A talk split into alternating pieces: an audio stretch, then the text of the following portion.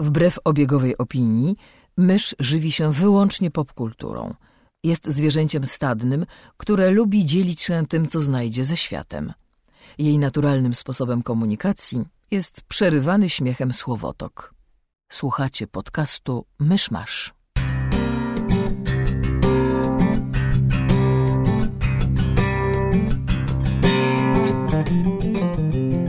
Drodzy słuchacze, jest poniedziałek, 4 maja 2020 roku. Niech 4 maja będzie z Wami. Zapraszam do 253 odcinka podcastu Myszmasz. Cześć, jestem Krzysiek Ceran, a przy mikrofonach w innych częściach Warszawy siedzą Kamil Borek Hello. i Mysz. Ola!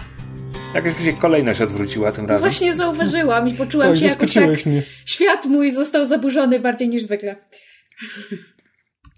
To jak wam mija kolejny ten, kolejny dwutydzień kwarantanny?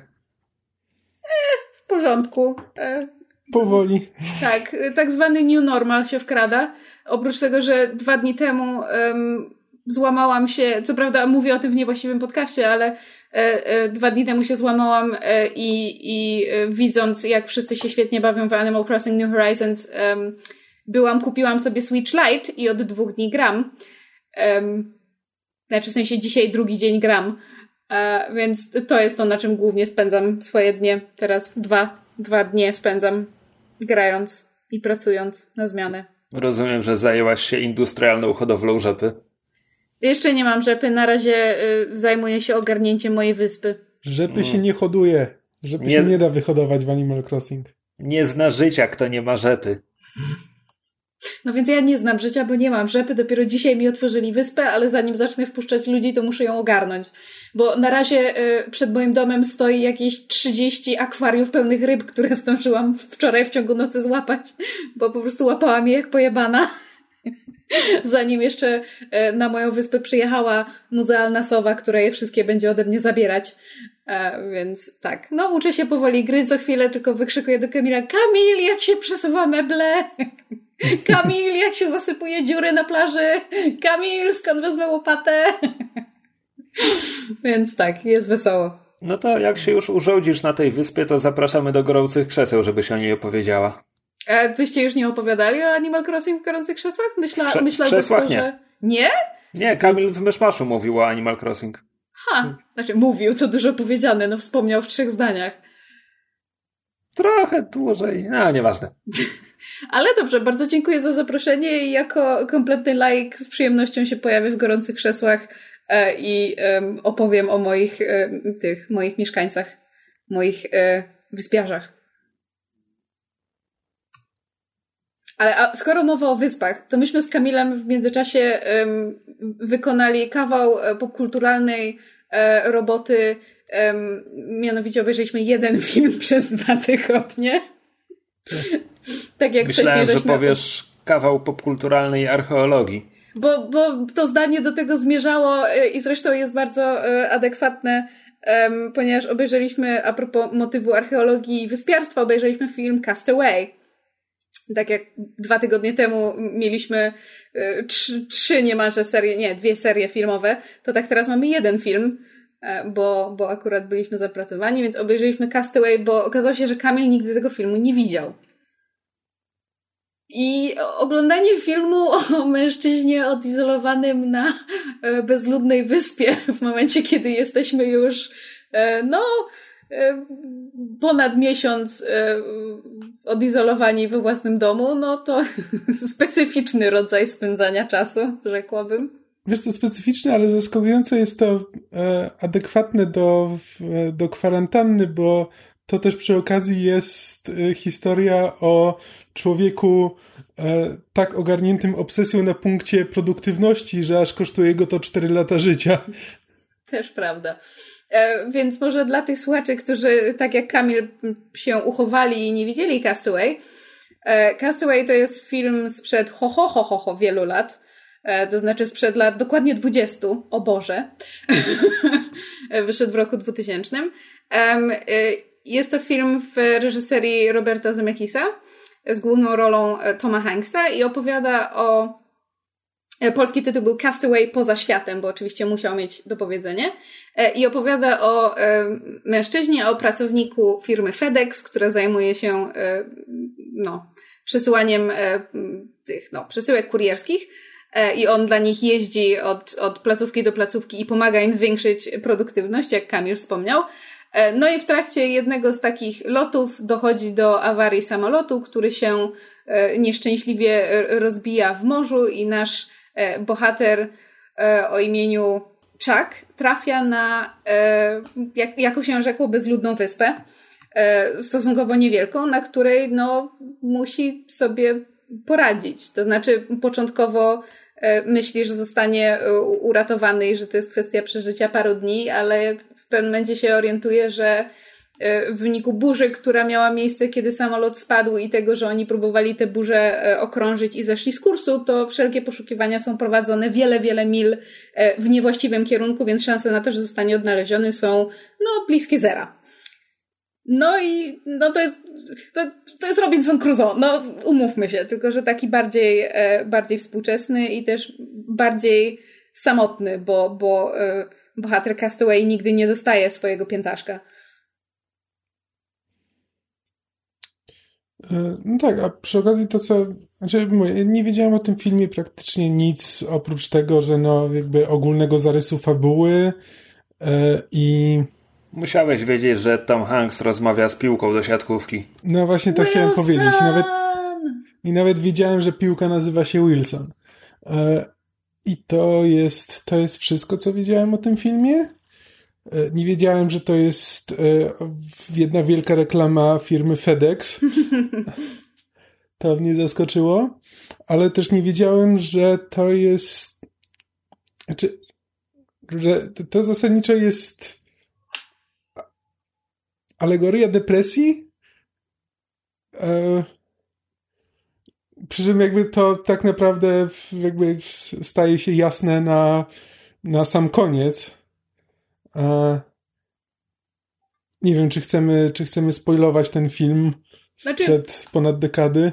To, to, może zaznaczmy, że, że spoilujemy film, który ma 20 lat i jeżeli się uchowaliście tak jak Kamil i, i nie znacie tego filmu i wam zależy, to możecie go teraz obejrzeć albo e, przewinąć odcinek do kolejnego segmentu. Tak, w opisach odcinku, odcinków zawsze są timecody poszczególnych sekcji, więc możecie po prostu przeskoczyć do następnego tematu.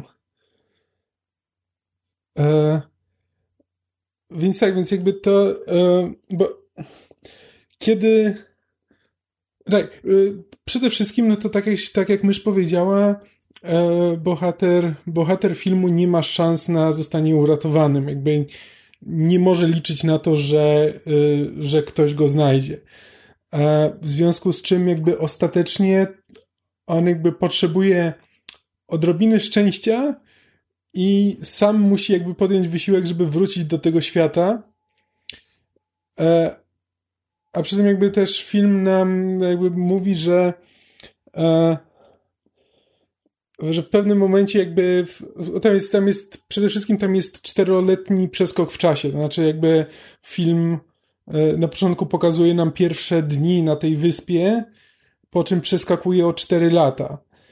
E, I jakby dowiadujemy się później, że w ciągu tych, że w ciągu tych czterech lat e, bohater próbował popełnić samobójstwo, tylko że jakby wypróbował swoją e, stryczek, który sobie zrobił z lian e, i stryczek złamał gałąź drzewa, na której, na, na której go powiesił, więc ostatecznie się z tego wycofał. Znaczy nie, nie, nie, kotku, to nie były liany. On pracowicie, um, ści, znaczy ścinał, zrywał młode drzewka, E, zrywał z nich pasy kory, mhm. a potem z pasów kory splatał linę. To jest cały proces, ja byłam nim zafascynowana, bo ja z kolei e, ubóstwiam taki kanał na YouTube, się nazywa Primitive Technology, gdzie em, e, facet, który ten kanał założył, właśnie pokazuje różnego rodzaju prymitywne metody robienia właśnie lin, narzędzi, nie wiem, cegieł, ognia, jak się właśnie rozpala ognisko, w związku z tym, kiedy Tom Hanks próbuje nieskutecznie rozpalić ognisko, mysz na bieżąco komentowała, co robi źle i potem parę chwil później rzeczywiście bohater zaczął robić to dobrze i ja się odwróciłam do Kamila na zasadzie, haha, mówiłam, widzisz, jaką masz mądrą żonę? Ale doszliśmy do wniosku, że żadne z nas by nie przeżyło same na bezludnej wyspie, byśmy zginęli w przeciągu pierwszych dwóch, trzech dni po prostu. Ale no, wracając. No, tak, no i wracając, jakby ostatecznie e, udaje mu się, znaczy zupełnym przypadkiem jedna z jakby, części tego samolotu zostaje przywiana na wyspę. Jest to plastikowa, e, właściwie nie wiem co, plastikowa jakby ścianka. Nie, to nie jest część samolotu. Nie, to nie jest część samolotu. Um, na wyspę um, zostaje przywiane, czy też woda przynosi dwie um, stykające się ścianki, czyli tak jakby róg czegoś, co moim zdaniem wygląda jak toj toj. Jak, tak, wygląda jak toj toj. Jak, jak, jak pół toj toju przecięte po przekątnej, w sensie takie dwie, dwie ścianki na, na rogu. E, I to go um, inspiruje i, i na, na, natycha nową energią, żeby spróbować się z tej wyspy wydostać. Bo... Tak, bo to, to mu pozwala po prostu skonstruować nie tylko tratwę, ale też skonstruować tratwę z żaglem, dzięki czemu będzie w stanie wypłynąć poza jakby fale, które do tej pory, no jeśli prób jak próbował się tam raz wydostać, to po prostu fale go spychały z powrotem, e, z powrotem do brzegu i e, potrzebował tej dodatkowej, dodatkowej siły napędowej, właśnie żagla, żeby się stamtąd wydostać, więc to jest w końcu sygnał, że, że teraz może spróbować jeszcze raz e, i ma szansę, no ale też wie, że no, jeśli mu się nie uda, no to tak naprawdę to, to zginie, bo jakby no, nie, ma już, jeśli go zrzuci z tej tratwy, no to on nie wróci na tę wyspę. Um, ale jakby stwierdza, że, że podejmie, e, podejmie tę próbę, że już woli, e, woli zginąć na morzu, jakby próbując, próbując wrócić do świata, niż, E, niż zgnić na tej wyspie do, do, do, końca, do końca świata. Um, no i tak, i, i w, ostatecznie, no tak jakby po, po kolejnych ciężkich przeprawach udaje mu się wrócić, no ale na miejscu się okazuje, że no wszyscy byli przekonani, że on nie żyje, w tym jego um, dziewczyna slash narzeczona, E, która, która znalazła sobie nowego męża, z którym ma dziecko i jakby już zaczęła, zaczęła nowe życie. E, no i nawet jakby jest przez moment taka, że tak powiem, zmyłka scenarzystów, bo jakby sugerują, że może oni, że może ona wróci do niego i porzuci to swoje, to swoje nowe życie, bo, bo wciąż go kocha, no ale, no ale ostatecznie no to jakby no, nie może tak po prostu porzucić, porzucić męża, porzucić dziecka, jakby zupełnie rzucić tego wszystkiego po to, żeby e, wrócić do, jakby do mężczyzny, który, e, którego nie było przez 4 lata. Już pomijając, że on na pewno teraz będzie sobie próbował poradzić z bardzo traumatycznym wydarzeniem w swoim życiu i zaczynanie nowego związku, to nie jest najwłaściwsza rzecz. Może. Abstrahując. No ale to, no, to, już jest, to już jest wchodzenie jakby w, w, psychologię, którą akurat film się w tym momencie nie zajmuje, no ale jakby tak, no, chodzi o to, że po prostu jakby oni, oni by bardzo chcieli oboje, ale, no, ale nie ma jak. Um, no ale właśnie, no bo, bo mówisz, że film w tę psychologię nie wchodzi, a dla mnie to jest o tyle ciekawe, że jakby czytałam e, o tym, jak ten film powstawał i ten film jakby powstał e, jakby oddolnie scenarzystą był William Broyles, jeżeli dobrze kojarzę. E, przepraszam, William Broyles Jr., ale jakby pomysł powstał w głowie Toma Hanksa. On miał pomysł na jakby tę historię pod tytułem a co by się stało, gdyby samolot FedExu się rozbił gdzieś w, szcz- no, chciałam powiedzieć w szczerym polu, w szczerym morzu. e, w szczerku. tak. E, I, I bardzo mu zależało właśnie na, na opowiedzeniu tej historii mężczyzny, który, który przez cztery lata jest w tej tej kompletnej izolacji, gdzie nie ma żadnych e, rzeczy potrzebnych do życia i, i jakby to na niego wpłynęło. I dla mnie to jest o tyle fascynujące przeczytać e, jakby koncept, czy właściwie co stało za powstaniem tego filmu, bo film kompletnie te cztery lata przeskakuje, jakby film kompletnie to nie interesuje. I ja rozumiem, że oni nie chcieli robić um, takiego 100% e, survivalowego filmu pod tytułem Bear Grylls jak przetrwać w dziczy, Pomijam, że wtedy chyba Bera Grillsa jeszcze nie było, no ale właśnie jakby Robinsona Crusoe pod tytułem Jak przeżyć w dziczy, jakie są um, te takie właśnie podstawowe rzeczy, które, które można zrobić, żeby przetrwać w momencie, kiedy się do tego nie ma e, żadnych środków.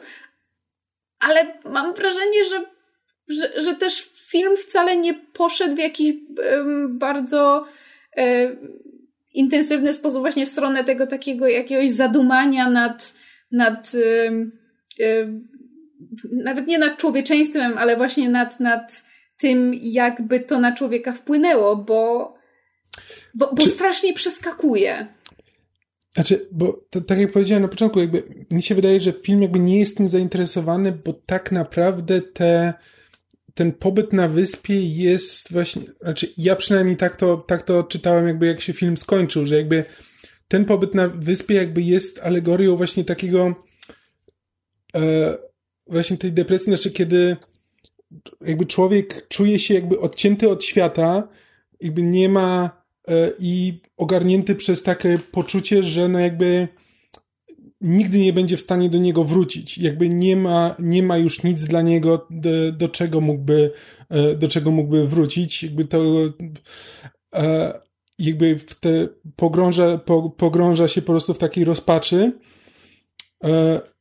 No jakby a morałem filmu jest to, że jakby jakby da się wrócić przy odrobinie jakby odpowiednich okoliczności yy, i własnej pracy, jakby da się do tego wrócić. I jakby i przy tym też nie, yy, nie, yy, nie chcę pokazać takiego łatwego rozwiązania, że no, no jak, jak już wrócisz, to będzie łatwiej, no bo jakby on stracił przez ten czas jakby i to, to jest to, co jakby ludzie, ludzie często właśnie pogrążeni w depresji, jakby, że pierwszą rzeczą, którą jakby tracą, to są właśnie związki z najbliższymi ludźmi. Czy to będzie właśnie e, ukochana osoba, czy, czy e, znajomi i przyjaciele.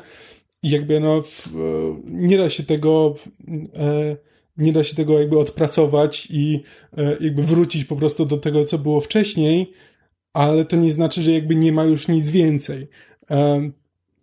Jakby i kiedy już się jakby podejmie te decyzje, to owszem, to, to nie to jest dopiero początek. Jakby to, to nie znaczy, że nagle wszystkie problemy się rozwiązały. To, że, to, że nagle jesteś, e, ktoś jest gotów podjąć ten krok, e, wciąż jakby, wciąż jeszcze ma przed sobą jakby długą drogę i sporo, e, sporo problemów, które musi rozwiązać, ale, ale jakby jeśli da się przetrwać ten, ten, ten, ten najtrudniejszy moment, to wciąż jest jeszcze wiele rzeczy, które, e, które mogą cię czekać.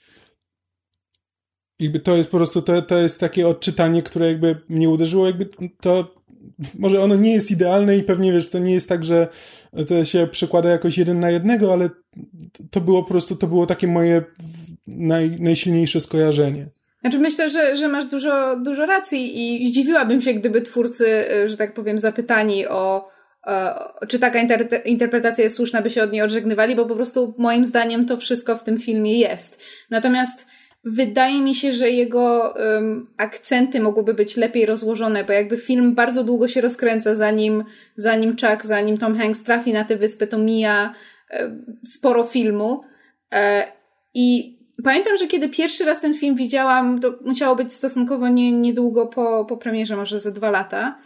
E, pamiętam, że wtedy byłam na takim etapie swojego życia, gdzie właśnie kiedy, kiedy Chuck um, ucieka z tej, z tej wyspy i wraca do, do świata i właśnie spotyka się znowu z tą swoją um, byłą kochaną i jest ten taki moment, kiedy, kiedy oni siedzą w samochodzie e, w deszczu i, i już myślimy, że, że razem odjadą e, w stronę szczęścia i wspólnej przyszłości, po czym ona wraca do, do, do swojego męża, do domu to pamiętam, że kiedy to wtedy oglądałam, to byłam wściekła na zasadzie, no jak to? Przecież to taki romantyczny odzysk mm. tym samochodem w ogóle. What are you doing? Tak. A bardzo mnie rozbawiło, że teraz analogicznie oglądałam ten film i kiedy, kiedy oni się, e, e, kiedy ona wybiega do niego w tym, w tym deszczu i oni się całują w tym deszczu e, w pełnym pasji uścisku, to miałam takie, what are you doing? Przecież masz męża. Więc bardzo mnie bawi nagłe 180 stopni, znaczy nagłe 180 stopni, jakie w przeciągu tych 18 plus minus lat e, mysz zdążyła e, zrobić. Ale druga rzecz, która też mnie w pewnym sensie rozbawiła, to jest to, że nadal mi się nie podoba zakończenie filmu. Znaczy, rozumiem, dlaczego ono tak, a nie inaczej wygląda, natomiast nadal mi się nie podoba, bo film ma bardzo otwarte zakończenie bo um, oprócz tego, że, że Chuck, kiedy był na wyspie, jakby to, co go trzymało przy życiu, to, był, to, to, to, to było mówienie do Wilsona, czyli do, do właśnie tej um, piłki do siatkówki, którą, y, którą sobie zantropomorfizował i, i, i do niej mówił jak do drugiego człowieka. To była też jedna nieotwarta paczka z anielskimi skrzydłami na, na opakowaniu i jakby jest w, w filmie y, może nie powiedziane wprost, ale, ale zasugerowane, że, że myśl o dostarczeniu tej paczki jako ten wierny pracownik FedExu też w jakimś stopniu e, pomagała Czakowi przetrwać na tej wyspie. I kiedy on na koniec filmu jedzie, żeby tę paczkę dostarczyć, to nie zostaje nikogo w domu, zostawia paczkę z karteczką, że ta, ta, ta paczka uratowała moje życie. E, po czym staje na pobliskim rozdrożu, wysiada z samochodu i zaczyna przeglądać mapę i podjeżdża kobieta, która mówi wyglądasz na zagubionego. Co oczywiście w kontekście tego, że, że, że właśnie się urwał z, z Nie jest to subtelna wyspy. metafora. Tak, tak, nie jest to subtelna metafora, ale jest bardzo ładna. On jest jeszcze na dodatek na rozdrożu dosłownie i z mapą tak. szuka swojej drogi, nie wie co zrobić. Właśnie jakby e, rozstał się niejako po raz drugi ze swoją ukochaną do pracy prawdopodobnie też nie bardzo ma co wrócić, mimo że, że FedEx jako firma bardzo chce go przyjąć z powrotem, no bo to jest ten bohater, prawda, wrócił z bezludnej wyspy, przetrwał i tak dalej, ale widać, że, że Chuck jakby nie bardzo ma ochotę wracać do tego świata, bo, no bo się zmienił, bo jest już kimś innym. E, więc nasz bohater stoi na tym rozdrożu, podjeżdża jakaś kobieta i właśnie mówi, wyglądasz się, e, wyglądasz na zagubionego, mówi, co jest w którym kierunku, jakby jak pojedziesz tam, to dojedziesz do Kalifornii, pojedziesz tam, to dojedziesz gdzieś tam, a pojedziesz w, wstecz, to, to, to, to tam dojedziesz jeszcze gdzieś indziej. No i on mówi tam dzięki, ona odjeżdża i on widzi, że ona z tyłu na klapie e, jej półciężarówki są te anielskie skrzydła i domyśla się, że ona jest kobietą, która mieszka w tym domu, gdzie dostarczył tę paczkę. No i film się kończy tym, że nasz bohater y, patrzy, że tak powiem, wzdłuż każdej z dróg na rozdrożu, po czym patrzy się wstecz na drogę, którą właśnie odjechała ta kobieta, uśmiecha się do, y, znaczy nie do kamery, uśmiecha się, no i fade to black napisy. I pamiętam, że mnie to strasznie frustrowało, kiedy pierwszy raz film obejrzałam na zasadzie, no kurwa, no wsiądź w ten samochód i pojedź za nią. I żeby było śmiesznie, to jest coś, co się nie zmieniło. W sensie ja nadal uważam, że znaczy po prostu ten, ten kontrast tej subtelnej jak pięść w nos e, sceny pod tytułem Stoi na rozdrożu, wyglądasz na zagubionego. I potem to takie subtelne, niedopowiedziane, mmm, ciekawe dokąd pojechał, jest po prostu nieszczere, jakieś takie strasznie znaczy, egzaltowane. Znaczy, e, trochę się z tym nie zgadzam pod tym względem, że gdyby film się kończył tym, że ona wsiada w samochód i właśnie i zawraca i jedzie za nią, e, to by z kolei mnie zupełnie odrzuciło, bo to jest takie, że jakby, no tak, no jakby e, straciłeś 4 lata życia, wróciłeś tutaj się okazuje, że miłość twojego życia jakby już o tobie zapomniała. Więc teraz może pierwsza kobieta, którą napotkasz, to jest ta, która, właśnie, e, która o, będzie tym, ale o to mi e, tym chodzi, szczęściem, jakby... które na ciebie czeka gdzieś tam. Jakby wolę, że to jest jakby jedna z możliwości. Być może ona rzeczywiście jest kimś, z kim on powinien, powinien za nią pojechać, pogadać, może, może coś ich połączy, może to ich, może to był los, no ale jakby właśnie ma jeszcze przynajmniej trzy inne drogi, którymi mógłby pojechać i e, i to nie jest wtedy takie definitywne. To, to nie jest subtelne zakończenie. To nie jest tak, że ja jestem wielkim fanem tego zakończenia i och, jakie ono jest głębokie, ale y, jednak wolę, kiedy ono jest niedopowiedziane niż dopowiedziane. No bo jakby też dopowiedzenie tego jest o tyle mm, byłoby wręcz moim zdaniem nieodpowiedzialne pod tym względem, że jeśli potraktujemy to jako historię o depresji, no to takie definitywne sądy na zasadzie, że że jeśli przeszedłeś depresję, to żeby potem wrócić do, wrócić do życia, to potrzebujesz się zakochać. Ale to nie hmm. musiałoby być zakochanie, właśnie jakby o to mi chodzi, że, że jakby ja nawet nie widzę tego zakończenia na zasadzie, że żeby on się natychmiast pakował w nowy związek, bo jakby umówmy się, to jest właśnie ten, te, te, te, te, te 10, nie, 18 lat e, życia, które przeżyłam i, i, i dojrzałości, powiedzmy w jakimś sensie, że ja właśnie nie, niekoniecznie chcę, żeby on się pakował w nowy związek, tylko żeby żeby nie był w tym sam. O to chodzi, że właśnie, że on wraca do swojego starego życia, które już nie jest jego i, i nie znajduje tam więzi z nikim, kogo znał, a tutaj jest ktoś, z kim ma szansę nawiązać więź. Już nie chodzi o zakochanie, chodzi o to, żeby on nie był sam, bo to jest to, co też w dużej mierze mu szkodziło. Znaczy, szkodziło. Jakby to było jego życie przez ostatnie cztery lata na tej wyspie. Między innymi po to sobie stworzył Wilsona, żeby nie być sam, żeby mieć do kogo paszczę otworzyć. Więc jakby film, tak, daje to jako jedną z dróg i jak, daje ją jako tą najbardziej prawdopodobną, w sensie tak możemy sobie gdybać, ale po prostu to zakończenie dla mnie hmm. zawsze było niekompletnie, niekompletne nie w sposób, który był w sposób, który był niesatysfakcjonujący. Jakby ja wiem, dlaczego to tak wygląda, hmm. co nie zmienia faktu, że ja nadal nie czuję tego takiego. Rozumiem. A. Wciąż się z tobą nie zgadzam, ale rozumiem, tak, ale rozumiem o co ci chodzi. Tak, ale um, muszę powiedzieć, że, że po seansie tego filmu e, na nowo zrozumiałam, dlaczego jest to ulubiony film jednego z naszych ulubionych youtuberów, to znaczy e, Olego Thorna z kanału Philosophy Tube. E, biorąc pod uwagę jego, jego e, przejścia właśnie z kwestią depresji e, i prób samobójczych, o których mówi dość otwarcie i ma na ten temat kilka naprawdę wspaniałych, poruszających filmów u siebie na kanale. Zresztą bardzo, bardzo, zawsze gorąco polecamy kanał Philosophy Tube. Zachęcamy do oglądania. To biorąc to wszystko pod uwagę, to bardzo nabrałam nowego zrozumienia, dlaczego Castaway jest jego ulubionym filmem i dlaczego jest to film, którego plakat ma na, na ścianie u siebie w pokoju. No, ma to, robi to dużo sensu. Hmm. No. no dobrze, ale my teraz mówiliśmy już od dłuższego czasu, więc czas e, scedować tę odpowiedzialność na Krzysia.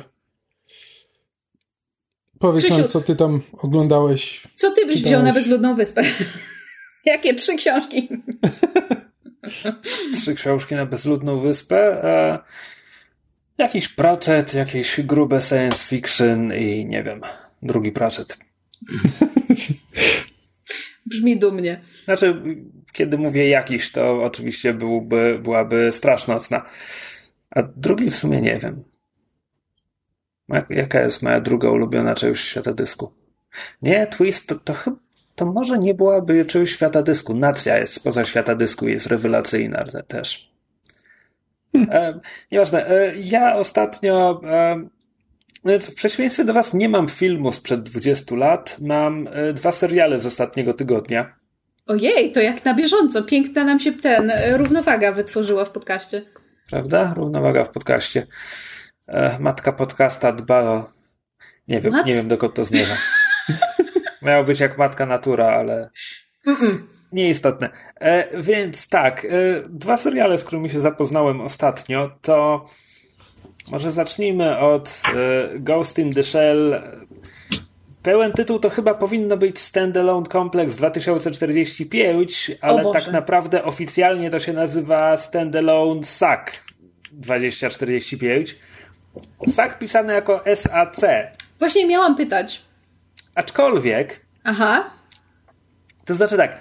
Przede wszystkim e, ja jestem bardzo złą osobą, żeby mówić o tym serialu, ponieważ to jest kontynuacja seriali Standalone Complex i Standalone Complex Second Geek, które mam na liście do obejrzenia od kilkunastu lat, ale jakoś wciąż się nie zebrałem. Widziałem dosłownie pierwsze dwa odcinki chyba Standalone Complex. Ale hej, Ghost in the Shell Widziałem oryginalny film anime, widziałem nawet sequel Innocence. Nic z niego nie pamiętam, poza tym, że mi się nie podobał. E, widziałem ten, tę samą historię, tylko ze Scarlett Johansson w roli Azjatki. E, a nawet czytałem kiedyś mangę. Co prawda to było dawno temu. I kiedy mówię dawno temu, to Kamil zrozumie, jak bardzo dawno temu, kiedy powiem, że pożyczył mi ją Piotrek Młynarz. E, czyli mówimy w najlepszym wypadku o wczesnym gimnazjum.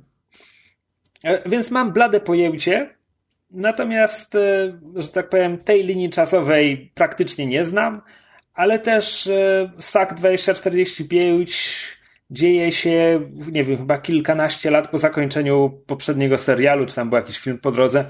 E, I tak naprawdę nie kontynuuje historii. To znaczy, obejrzałem ten sezon, e, serial i, i nie mam w ogóle poczucia, żebym czegoś nie rozumiał, ponieważ nie widziałem poprzednich rzeczy. Jakby jedyne, jedyne co można by zasugerować, że jest wątkiem fabularnym, to tyle, że Togusa po drodze odszedł z sekcji dziewiątej, bo miał żonę i dziecko. Ale teraz wrócił, bo ich zostawił. To, to tyle. Okay.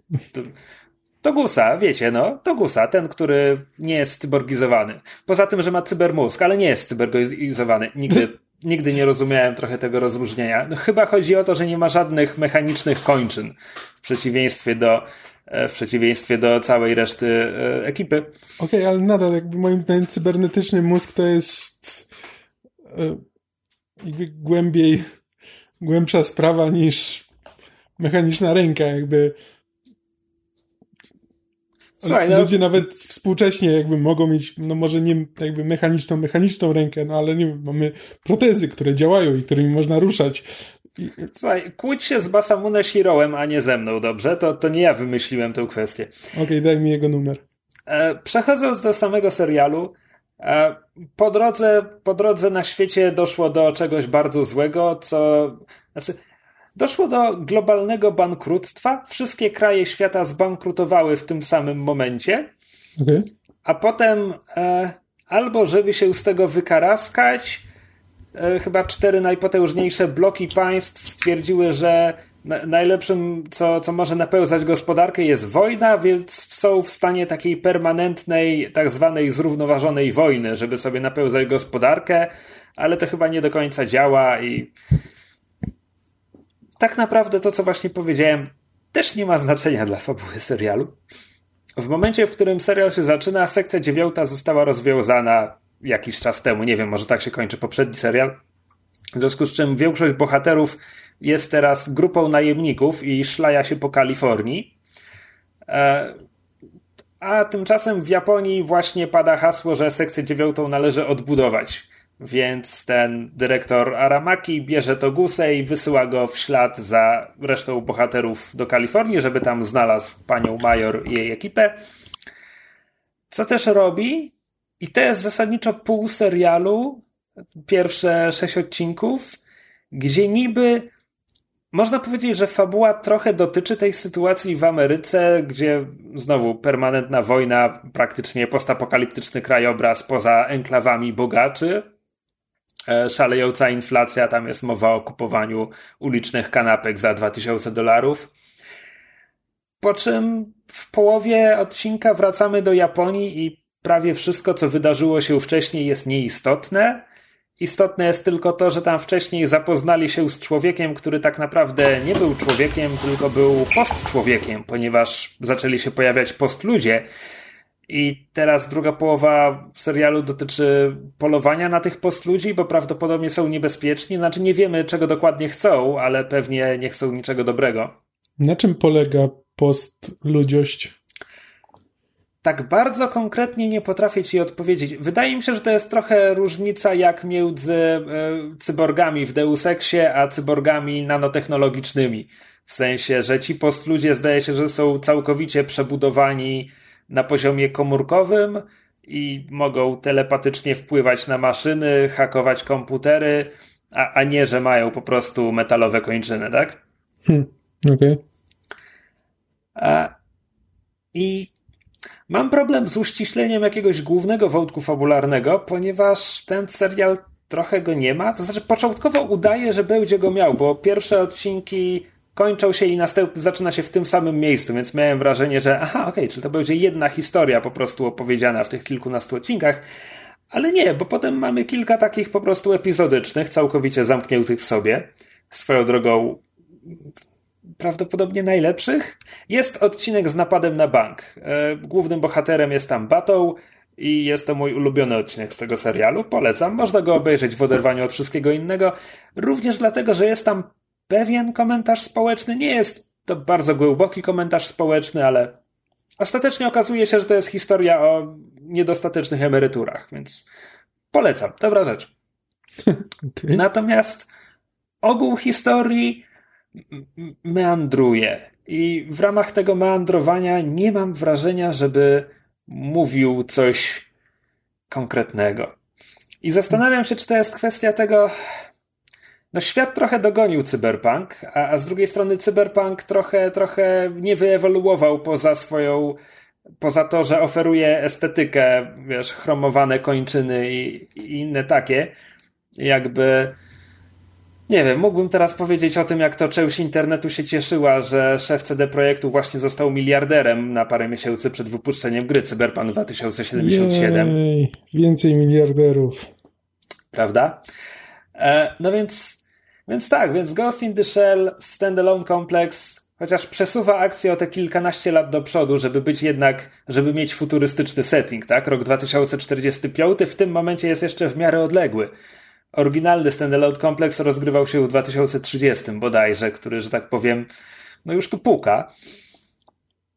A, ale w ramach tego przesunięcia mam wrażenie, że nie oferuje żadnego nowego komentarza społecznego, że akcja została odsunięta, więc to wciąż jest serial futurystyczny, ale nie ma tutaj jakiegoś współczesnego przesłania.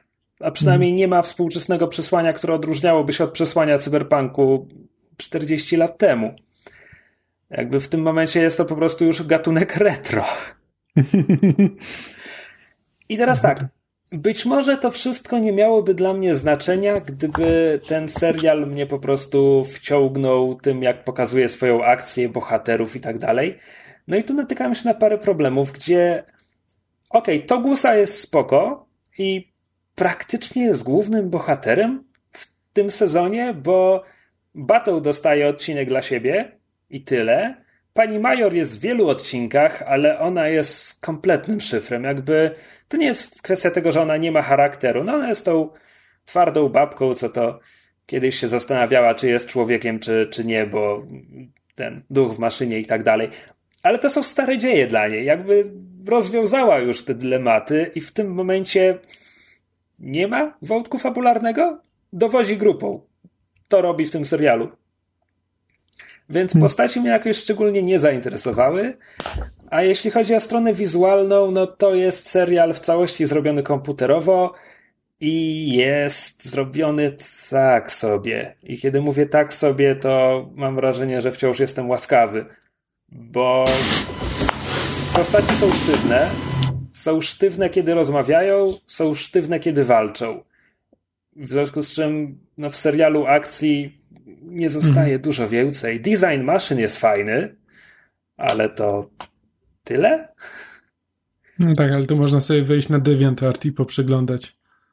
Tak, więc ostatecznie końcówka jest intrygująca. Otwiera pewne możliwości, które mogą być ciekawe, jeśli zostaną ciekawie wykorzystane, no bo to jest to jest w tym momencie animacja Netflixa, w związku z czym to nie jest tak naprawdę sezon. Oni to będą nazywać sezonem, ale tak naprawdę to jest to jest pierwszy rzut odcinków, drugi rzut odcinków wykańczają, będzie jakoś pewnie jeszcze w tym roku. Jakby nic nie wiem, no ale tak, tak bywa z animacjami Netflixa, że te sezony dość szybko pojawiają się po sobie. E, no i to nie jest pełen sezon, to jest tak naprawdę pół sezonu, nieważne jak oni będą to nazywać potem. E, więc e, prawdopodobnie sięgnę po tę drugą połowę, przynajmniej żeby się przekonać, czy intrygujący cliffhanger nie zostanie wiesz, zarżnięty w pierwszych pięciu minutach pierwszego odcinka, bo może, może go pociągnął i może to będzie wątek fabularny i może po obejrzeniu kolejnych dziesięciu odcinków zrozumiem, okay, cały czas chodziło o to, o tym jest ten serial. A może wyjaśnią to w pięć minut i wrócą do tego meandrowania.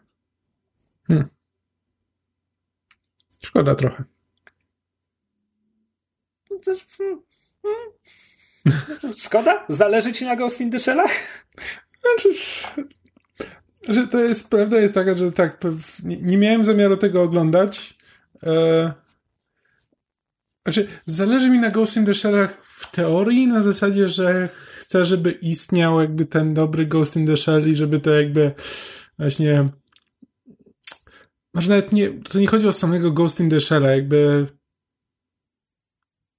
mm, Okej, okay, teraz, teraz z kolei chciałem powiedzieć, że, że, że fajnie było, żeby ten, żeby jakby cyberpunk trochę ewoluował i właśnie tak jak mówisz, no, żeby e, nie ograniczał się do tego, no, ale wiem też, że jakby jest wiele historii cyberpunkowych, które jakby rozwijają te wątki, jakby rozwijają się wraz z, e, ze światem, tylko że po prostu e, że nie są dostępne w mainstreamie i po prostu ich nie czytałem, albo nie oglądałem, albo nie słuchałem, e, więc, więc to jest takie tak jak mówię, bardzo, bardzo teoretyczne rozważanie, nie poparte żadnym, żadnym praksisem. No, okej. Okay.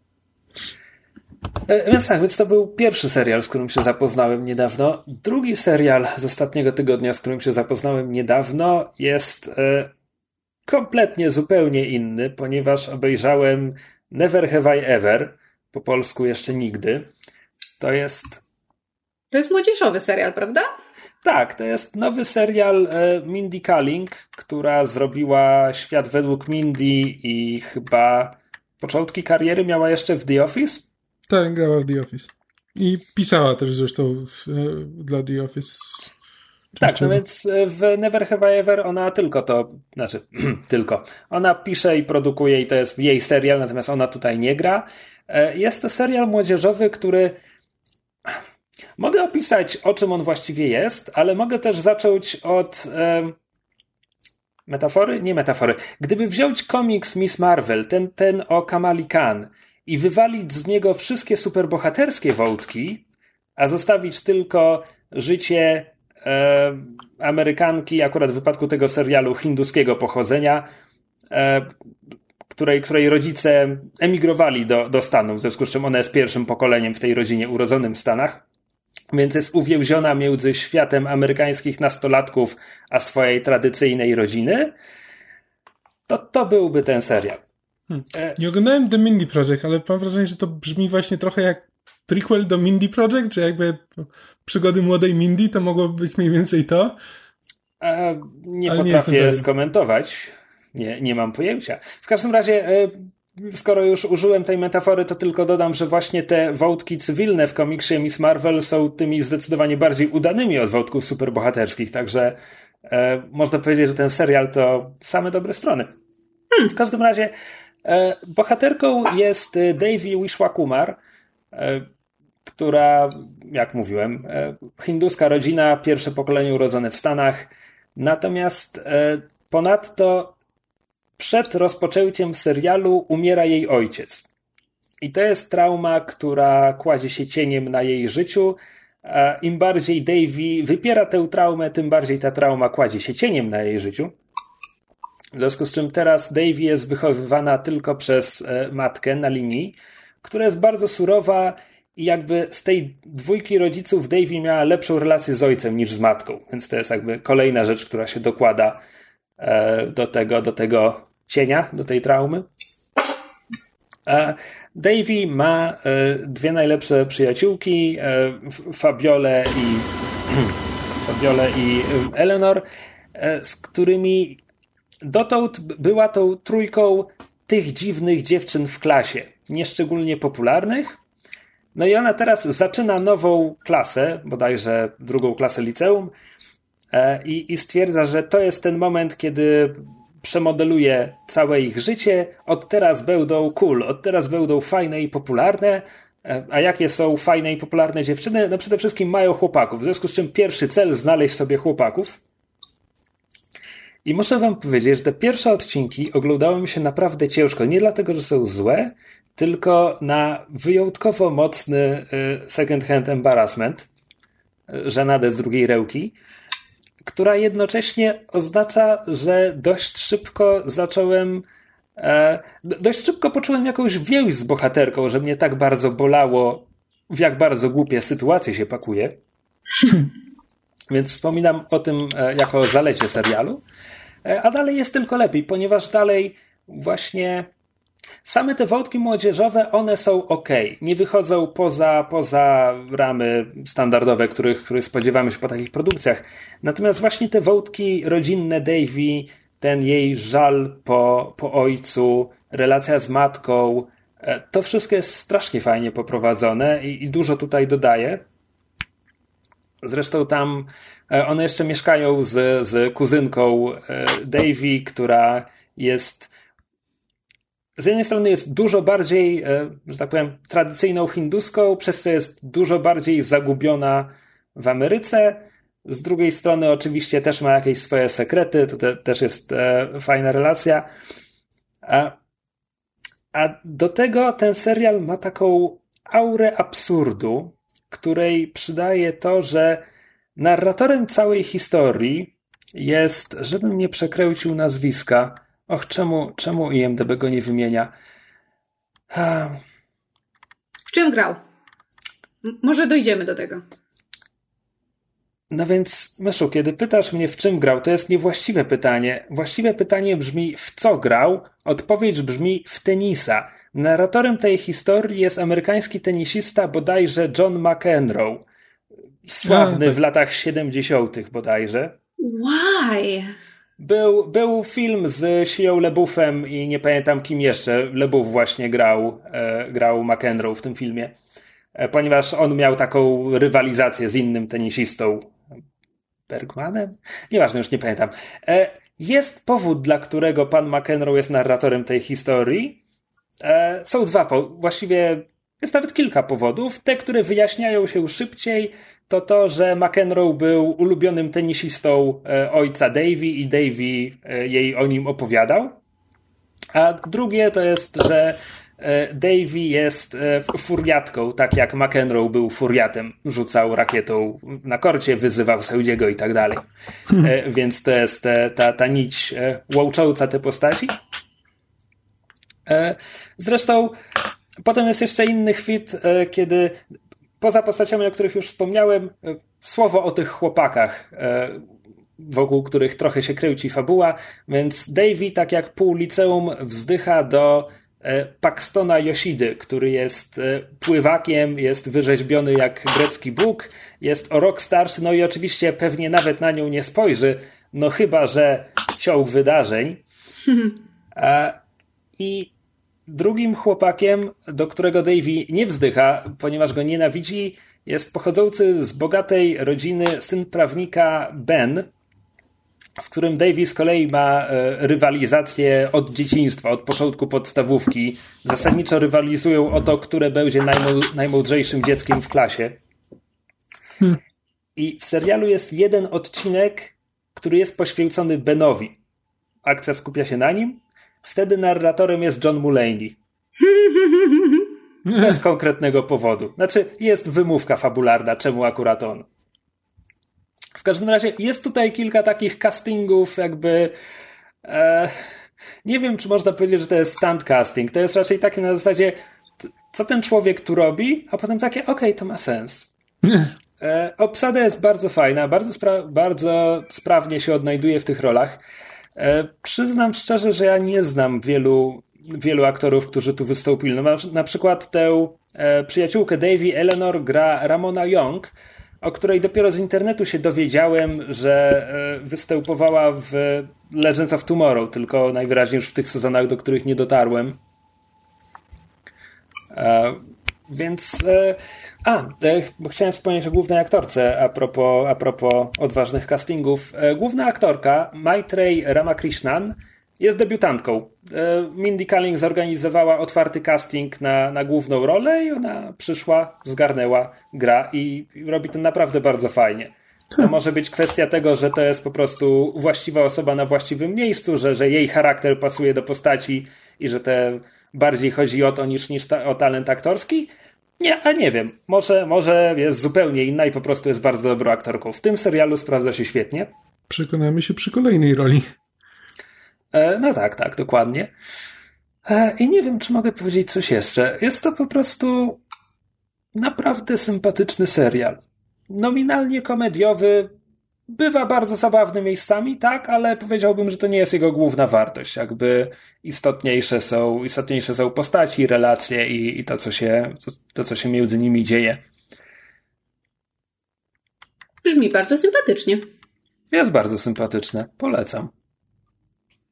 No to będzie co oglądać. Ale czyżby to było wszystko? Brzmisz jakbyśmy mieli zaskoczyć e, słuchaczy tym, że nie, mamy coś jeszcze. Ale zaskoczenie brzmi tak, że nie, nie mamy w tym tygodniu nic więcej.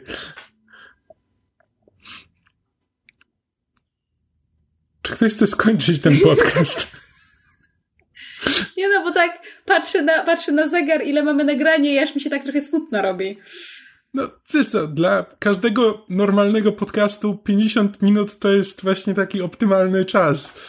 To, że my jesteśmy przyzwyczajeni do tego, że potrafimy gadać przez 3 godziny o jednym filmie, nie znaczy, że musimy to robić za każdym razem.